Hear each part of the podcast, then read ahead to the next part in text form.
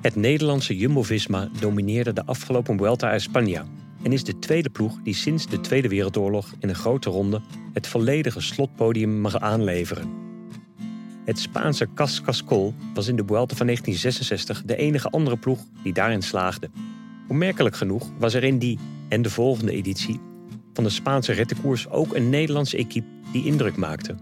De televisierploeg van Kees Pellenaars.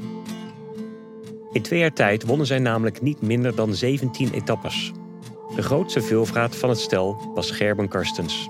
De sprinter die bekend stond om zijn clowneske fratsen en een jaar geleden overleed. Welkom bij een nieuwe aflevering van Chronieken. Een podcast met historische wielerverhalen van Eurosport. In deze aflevering gaan we terug naar de Vuelta's van 1966 en 67, waarin een stel Nederlandse vrijbuiters de overwinningen aan één regen.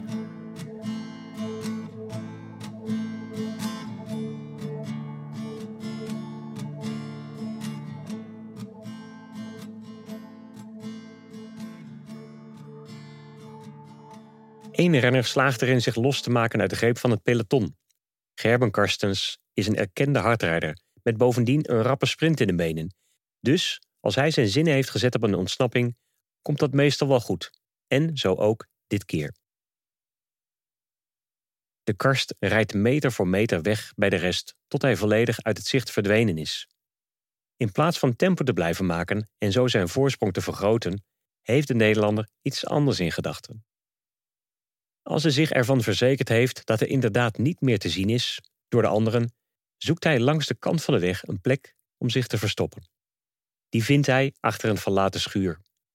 Hij rijdt het veld in, verstopt zijn fiets en zorgt ervoor dat hij zelf ook niet te zien is vanaf de weg. In het peloton is inmiddels de achtervolging op gang gekomen.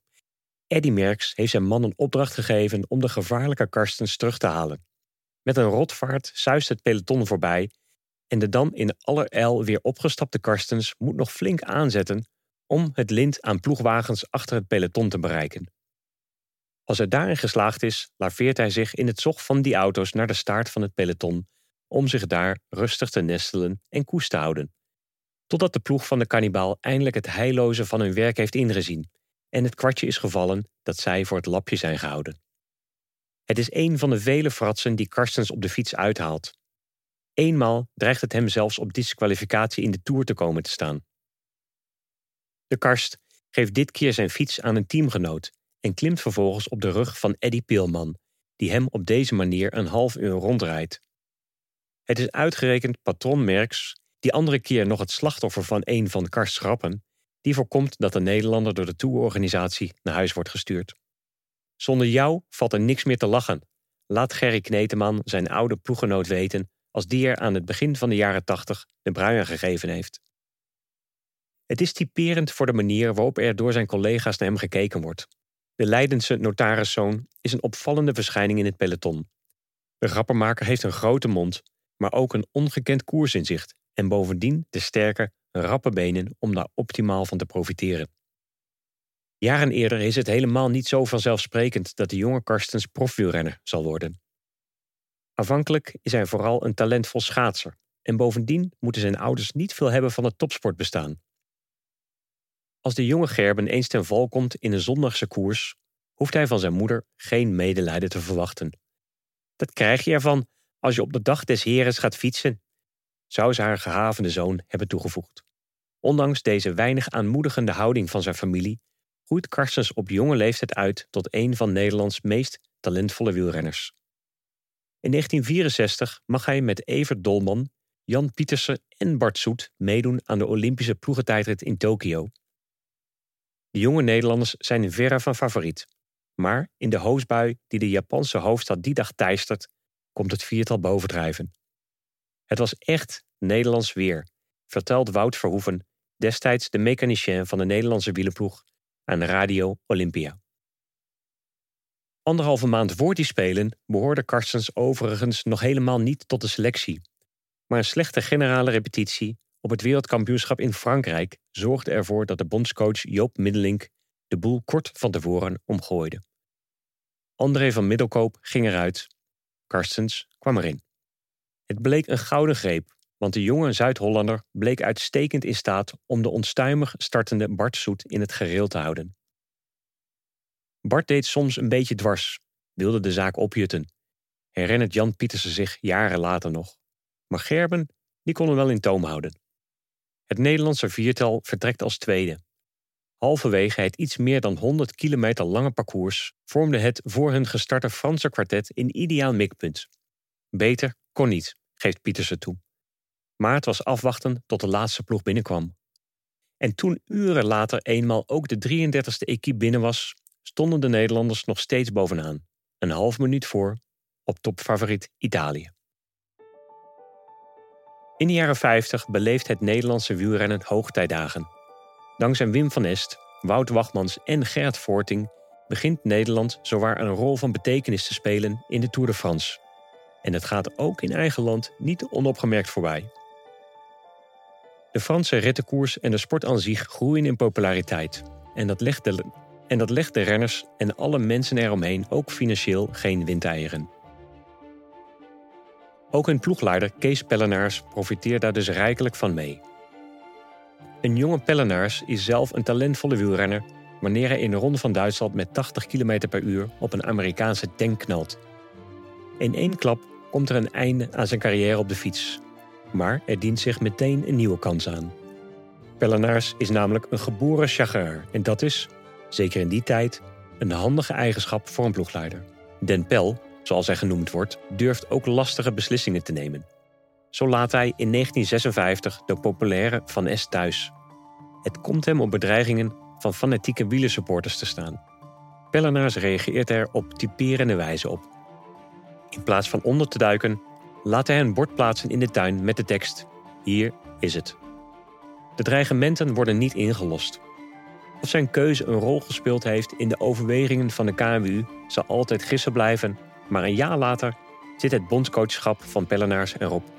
En verdwijnt de Bredaarnaar enkele jaren uit de wielerwereld. In 1964 keert hij plots terug met zijn eigen team. Nadat de Tour is overgestapt van landen naar merkenteams, blijkt het Nederlandse bedrijfsleven niet erg happig te zijn om in te stappen. Daardoor vertrekken alle grote vaderlandse coureurs naar het buitenland, terwijl veel anderen contractloos achterblijven. Het is in deze vijver dat Pellenaars moet vissen. Wanneer hij na de start van het seizoen in het voorjaar van 1964 in televisier alsnog een sponsor heeft gevonden. Die eerste selectie van de televisierploeg bestaat dus bijna volledig uit renners wiens contract niet is verlengd en uit jongens die nooit de stap naar een profbestaan hebben gemaakt. En op een enkeling na komen ze allemaal uit Brabant. Piet van Nest, de broer van Wim, heeft al etappes in de Giro d'Italia en Tour de France gewonnen, als hij van zijn dokter Man Labo-ploeg een andere werkgever mag gaan zoeken. De elf jaar jongere Van Est is een van de bekendere en ervaren renners in dat eerste jaar van televisier. Henk Nijdam, als Drent een vreemde eend in de televisierbijt, is niet veel jonger dan Van Est, maar heeft lange tijd niet veel moeten hebben van het profwereldje. Toch wil de jonge Nijdam aanvankelijk niets liever dan wielrenner worden. Met zijn één jaar jongere vriend Fokke Elsinga was een 18-jarige Henk nog vanuit Noord naar Amsterdam gefietst om een nieuw frame bij de vermaarde fietsenmaker Bustraan te halen. Onderweg hadden ze zelfs in een berm overnacht om geld te besparen. Het kenmerkt de gedrevenheid die de geboren Drent destijds had om nog profielrenner te worden. Op een goede dag is de kleine, maar potige renner nauwelijks bij te houden. En als jonge coureur heeft hij vaak goede dagen. Hij doet niets liever dan hard fietsen. En als hij eenmaal weg is, zie je hem niet snel meer terug. Maar wat Nijdam van iemand als Karstens onderscheidt, is de Karsts tactische inzicht. Daar ontbeert het Nijdam volledig aan.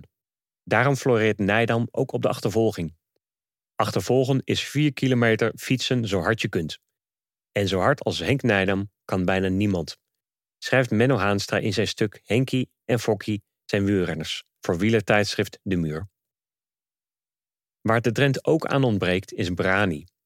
De Drent moet niks hebben van de praatjes van zijn westerse collega's en laat de karst nou de grootste mond hebben van allemaal. Toch komen de twee tegenpolen op de fiets goed overeen. Als duo doen ze in het najaar van 1964 mee aan de Trofeo Baracchi. Ze liggen in winnende positie als Snijdam ten val komt. Hoewel hij ongeschonden weer op de fiets lijkt te stappen, gaat het daarna helemaal mis. Eerst neemt Nijdam een verkeerde afslag, waardoor hij in plaats van op de wielerbaan plots door een drukke Milanese winkelstraat fietst. En als ze eenmaal weer de juiste route hebben gevonden en de eindstreep hebben gepasseerd, blijft Nijdam doorfietsen, tot Karstens hem letterlijk van de fiets trekt. Hoewel er kort daarna gespeculeerd wordt over mogelijke bijwerkingen van dopinggebruik, blijkt het antwoord veel voor de hand liggender. Nijdam heeft bij zijn val een hersenschudding opgelopen. Kees Haast, een andere televisierenner van het eerste uur, had een mogelijke profcarrière al uit zijn hoofd gezet en stond op het punt te gaan emigreren naar Canada om daar boer te worden. Toen Pellenaars alsnog zijn droom in vervulling liet gaan. Haast zou Dempels trouwste Paulin blijken te zijn. Hij is een van de televisieredders die het beste uit de voeten kan in het hooggebergte en is minder een vrijbuiter dan zijn ploegenoten. Zo gaat Haast in de Tour van 1965 met de beste mee naar boven. Op de Col de Vars rijdt hij Felice Dimbondi en Raymond Poulidor zelfs uit het wiel en komt hij als eerste boven. Daarmee is hij de eerste Nederlander die in een toeretappe als eerste boven komt op een grote kol. Opmerkelijk genoeg is het dan pas een jaar geleden dat er in de Ronde van Zwitserland voor het eerst op de fiets een berg oprijdt. Maar de Brabander heeft ook vaak te kampen met pech. Goede klasseringen in de Tour gaan in rook op de valpartijen, vaak met ernstige kwetsuren tot gevolg. Ook in de Vuelta's van 1966 en 1967 is Haas de man die in het algemeen klassement wordt uitgespeeld, terwijl Karstens, Nijdam en de inmiddels aangetrokken Jodero voor de dagsuccessen moeten zorgen. In de jaren 60 was de Vuelta nog met name een voorbereidingskoers op de Giro en ook het parcours zag er heel anders uit dan nu. Waar er tegenwoordig nauwelijks een kilometer vlak lijkt te zijn, waren in die tijd de bergetappes op één hand te tellen. Veel vlakke ritten dus, en laat dat nou het optimale jachtterrein zijn geweest van Pellenaars en zijn manschappen. Tot vlak voor de start staat de Vuelta van 1966 door financiële problemen op losse schroeven, waardoor dat jaar slechts negen ploegen aan de start staan in Murcia. Vier Spaanse, twee Belgische, één Italiaanse en een Portugese, en dus met televisier ook een Nederlandse ploeg. Met eindoverwinningen van de Duitsers Rudi Altig en Rolf Wolfshol en de Franse rivalen Jacques Anquetil en Poulidor is de rittenkoers al vier jaar niet meer gewonnen door een thuisstrijder. Maar daar komt met dit uitgedunde deelnemersveld naar verwachting dit jaar verandering in. Buiten haast lijkt van de buitenlanders namelijk alleen de Belgische klimmer Eddie Pauwels een rol van betekenis te kunnen gaan spelen. De eerste twee dagen van die Vuelta van 1966 staan er al vier verschillende etappes in en rond startplaats Murcia op het programma. Hoewel een overwinning uitblijft, zitten de renners van televisier steeds goed voorin. En vooral Jos van der Vleuten, die uiteindelijk de puntentrein mee naar huis zou mogen nemen, valt op met een paar mooie ereplaatsen. De Spanjaard José María Errandonea van de Fagor-ploeg voert het klassement aan dankzij zijn overwinning in de 3,5 kilometer lange tijdrit. Op dag 3 rijdt een groepje van 16 man een half minuut weg bij de rest. Televisier is met zes renners goed vertegenwoordigd. Maar weer moeten ze de rit aan een ander laten. José Antonio Momenje wint de etappe naar Valencia en pakt de gele trui. Jos van der Vleuten en Jodero worden tweede en derde. Lang kan Momenje niet genieten van zijn leiderstrui, want een dag later is hij hem alweer kwijt. De Spanjaard finisht zelf keurig in het peloton, maar de winnende vluchter en kascollega Valentin Uriona gaat hem alsnog voorbij in het klassement. Na twee opgesplitste en twee reguliere etappes is Uriona alweer de vierde leider van deze jonge ronde. Maar de Bask, die een jaar later op 26-jarige leeftijd zal verongelukken tijdens het Spaans wielerkampioenschap, staat het gil minder makkelijk af. Tot aan de dertiende etappe naar San Sebastian zal hij het kleinood weten te behouden. In de tussentijd dat de Bask van Cas het klassement aanvoert, raken de renners van televisier ontketend. Drie dagen op rij zijn de bloemen voor een van de mannen van Den Pel. Eerst wint Jodero de rit van Madrid naar Catalayud, waarna Kees Haast en Heik Nijdam in respectievelijk Saragossa en Leida zijn voorbeeld volgen. Haast doet goede zaken op weg naar Saragossa. Hij, ploegenoot Bas Maliepaard en de Belg Romain Robben van de Libertas-ploeg maken deel uit van een groep met verder 13 Spanjaarden, waaronder klassementsmannen Francisco Gabica, Carlos Echeverria en Eusebio Beles, alle drie van Cas. Hun concurrenten Van Vagor hebben de slag gemist. De 2 minuten en 30 seconden die hun kopman Luis Otaño in deze rit moet inleveren, komen hem aan het eind van de ronde duur te staan. In het Catalaanse Leida rekent Nijdam af met zijn medevluchter Aldo Moser. De oudere broer van Francesco is in de spurt een maatje te klein voor de Nederlander. De twee vormen geen enkele bedreiging voor het peloton dat ruim twee minuten na hen over de finish bolt. Twee dagen later is Nijdam weer de gelukkige. In een korte etappe in en rond Barcelona is de krachtpatser de snelste op de Montjuïc. Nadat Karstens in Pamplona televisier een vijfde dagzege had bezorgd, volgt een dag later het hoogtepunt van de ronde voor de Nederlandse ploeg. In San Sebastian toont Haast zich niet alleen de sterkste van de groep der favorieten, maar pakt hij ook de leiderstrijd over van Uriona. Als de Brabander de tijdrit naar Haro weet te doorstaan, dan wordt hij de eerste Nederlandse eindwinnaar van de Vuelta. In die race tegen de klok is Francisco Gabica, voluit Francisco Gabica Goguescoa Ibarra, de beste en wordt het klassement gemaakt. Met zes man bij de eerste zeven is Cas vanaf dan heer en meester en de sterkste ploeg rijdt hun kopman onbezorgd naar eindwinst. Haast verliest in die tijdrit bijna vijf minuten en is op de achtste plaats de enige buitenlander in de top 16 van het eindklassement. Een jaar later zijn de Spaanse geldzorgen voorbij en komen de vier Franse ploegen de gelederen versterken. Dat betekent tevens dat er met Jan Jansen, Poulidor en Tom Simpson buitenlandse kanshebbers aan het vertrek verschijnen. Daarnaast is de gehele top 10 van vorig jaar er weer bij. Dus het mogen duidelijk zijn dat het deelnemersveld deze editie een stuk sterker is dan het vorige jaar. De selectie van televisier kent zes oude bekenden en vier nieuwe gezichten. Opvallend genoeg zijn twee daarvan mede-Olympisch kampioenen van Karstens. Bart Zoet en Eve Dolman hebben namelijk de overstap gemaakt naar de ploeg van Bellenaars. Net als een jaar eerder zijn in de eerste dagen de verschillen minimaal en wisselt de gele trui meerdere malen van drager. Na de tweede etappe, een korte tijdrit over iets meer dan 4 kilometer, is dagwinnaar Jansen voor even klassementsleider. Maar de volgende dag al raakt hij ochtends die toppositie kwijt aan Domingo Perorena, die wel in de goede ontsnapping meezit, net als Haast, Zoet en Jansens teamgenoot Jean-Pierre Ducasse. De jonge Fransman toonde deze Vuelta aan een neusje voor de juiste ontsnapping te hebben. In de zesde etappe zat hij er namelijk weer bij. En dit keer nam de vlucht een dusdanig ruime marge dat Ducasse de gele leiderstrijd overnam van José Manuel López Rodriguez. Ook voor televisier was dit een goede dag, want Eve Dolman bleek de snelste van de twaalf vooraan en ook Haast was weer alert meegeschoven. Met twee Nederlandse overwinningen in de eerste zeven ritten is de oogst al in het begin niet onaardig. Maar de ware dominantie moet nog komen. De Vuelta doet in 1967 veel dezelfde finishplaatsen aan als een jaar eerder. En net als toen mogen er Nederlandse armen de lucht in in Leida, Pamplona en Barcelona.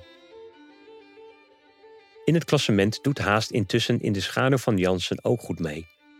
Na acht etappes staat hij derde. En dan moeten de echte bergen nog komen. Kan hij dit jaar ook met een sterkere concurrentie mee? In de eerste echte bergrit is de Brabander niet in goede doen. Hij verliest vier minuten op winnaar Mariano Diaz, de jonge Spanjaard die eerder dat jaar de Tour de l'Avenir heeft gewonnen. En moet ook 2,5 minuut prijsgeven op een groepje klassementsrenners met daarin Jansen, Poulidor en Ducasse. Haast zakt naar de zesde plaats. In de Vuelta van 1967 schrijft Maurice Beerthuizen op het wielerblog Het is Koers... Is er één regel. Is het vlak, dan is het voor televisier. Acht etappes winnen de mannen van Pellenaars maar liefst. Eve Dolman, Jan Harings, Henk Nijdam en Jos van der Vleuten eisen er allemaal één op. Terwijl de karst zelfs viermaal de beste, snelste of meest uitgekookt is. Ook de laatste twee ritten zijn een prooi voor Karstens. Op de ene laatste dag wint hij de beslissende tijdrit. Hoewel zijn landgenoot Jansen niet per se een specialist is in de strijd tegen de klok, weet hij die dag wel ruimschoots zijn achterstand op ploegeneut Ducasse te overbruggen.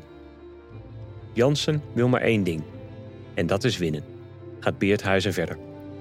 Niet zijn talent, maar zijn karakter heeft hem het meeste aan overwinningen geholpen. Jansen kan zich onwijs focussen op een doel. En daarin faalt hij zelden. Het kenmerk van de echte kampioen. Uiteindelijk wordt Haast achter Jansen, Ducas en de Spanjaarden Aurelio González en Luis Otaño knap vijfde. Zijn beste prestatie in een grote ronde. Vanaf 1968 besluit de Tour de France terug te keren naar landenploegen. En dus bepaalt vanaf dan ook de Nederlandse bond weer wie ploegleider is. Net als tien jaar eerder schuiven zij Pellenaars ook nu weer aan de kant. Ondanks alle successen betekent het dus ook het einde van de televisierploeg. Den Pel bleef nog een aantal jaren actief, maar beleefde nooit meer de successen zoals hij die met televisier had geboekt, waarna hij zich halverwege de jaren 70 terugtrok uit de wielrennerij. Hij overleed in 1988 op 74-jarige leeftijd.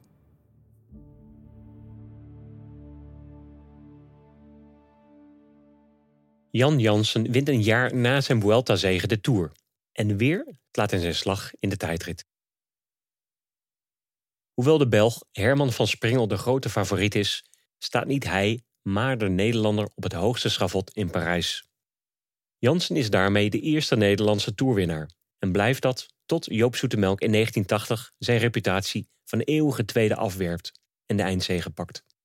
Jean-Pierre Ducasse werd in de volgende Vuelta twaalfde. En hoewel hij in de Ronde van Frankrijk van dat jaar als eerste over de Tourmalet kwam, was zijn 31ste plaats uiteindelijk enigszins teleurstellend. Om zich voor te bereiden op het nieuwe wegseizoen vertrok hij in februari van 1969 naar de Franse Riviera. Maar daar sloeg het noodlot toe.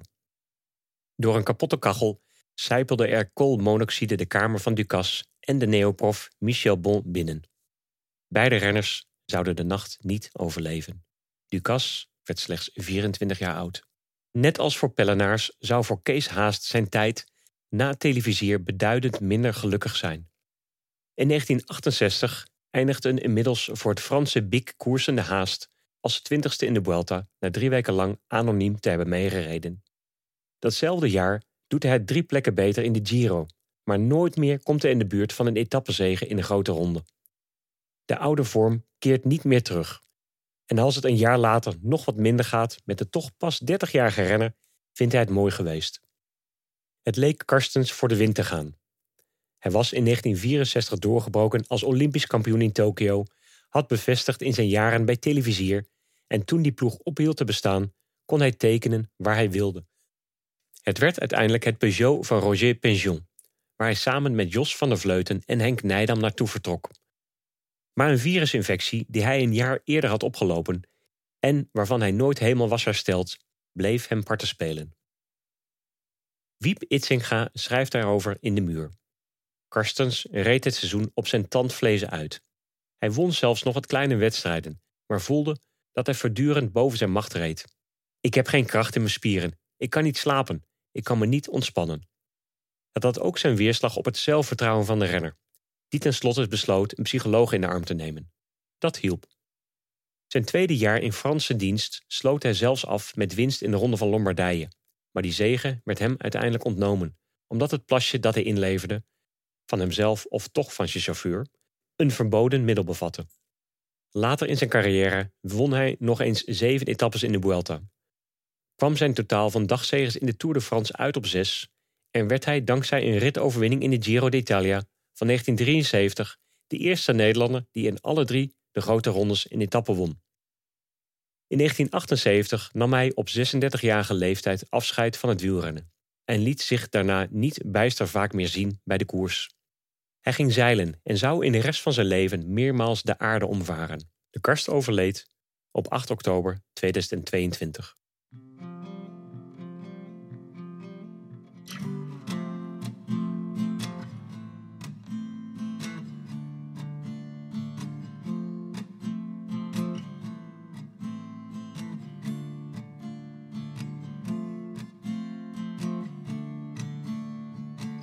Chronieken is een podcast van Eurosport. Geschreven door Sander Grasman en verteld door mij, Karsten Kroon. Productie is van Fabian Collau. Als je mij wilt volgen, kan dat via Karsten Kroon op Twitter. Eurosport volg je via Eurosport_nl. Bovendien vind je ons op Instagram en Facebook Alle afleveringen van Chronieken zijn ook te lezen als artikel op eurosport.nl. Dit was de achttiende aflevering van het derde seizoen. Dus als je hebt genoten van deze etappe uit de wielergeschiedenis, meld je dan aan, vertel het door en beoordeel ons bij jouw podcastaanbieder. Tot de volgende keer, dan gaan we het hebben over de Ronde van Lombardije van 1966, waarin Felice Gimondi erin slaagde om de kannibaal op te vreten.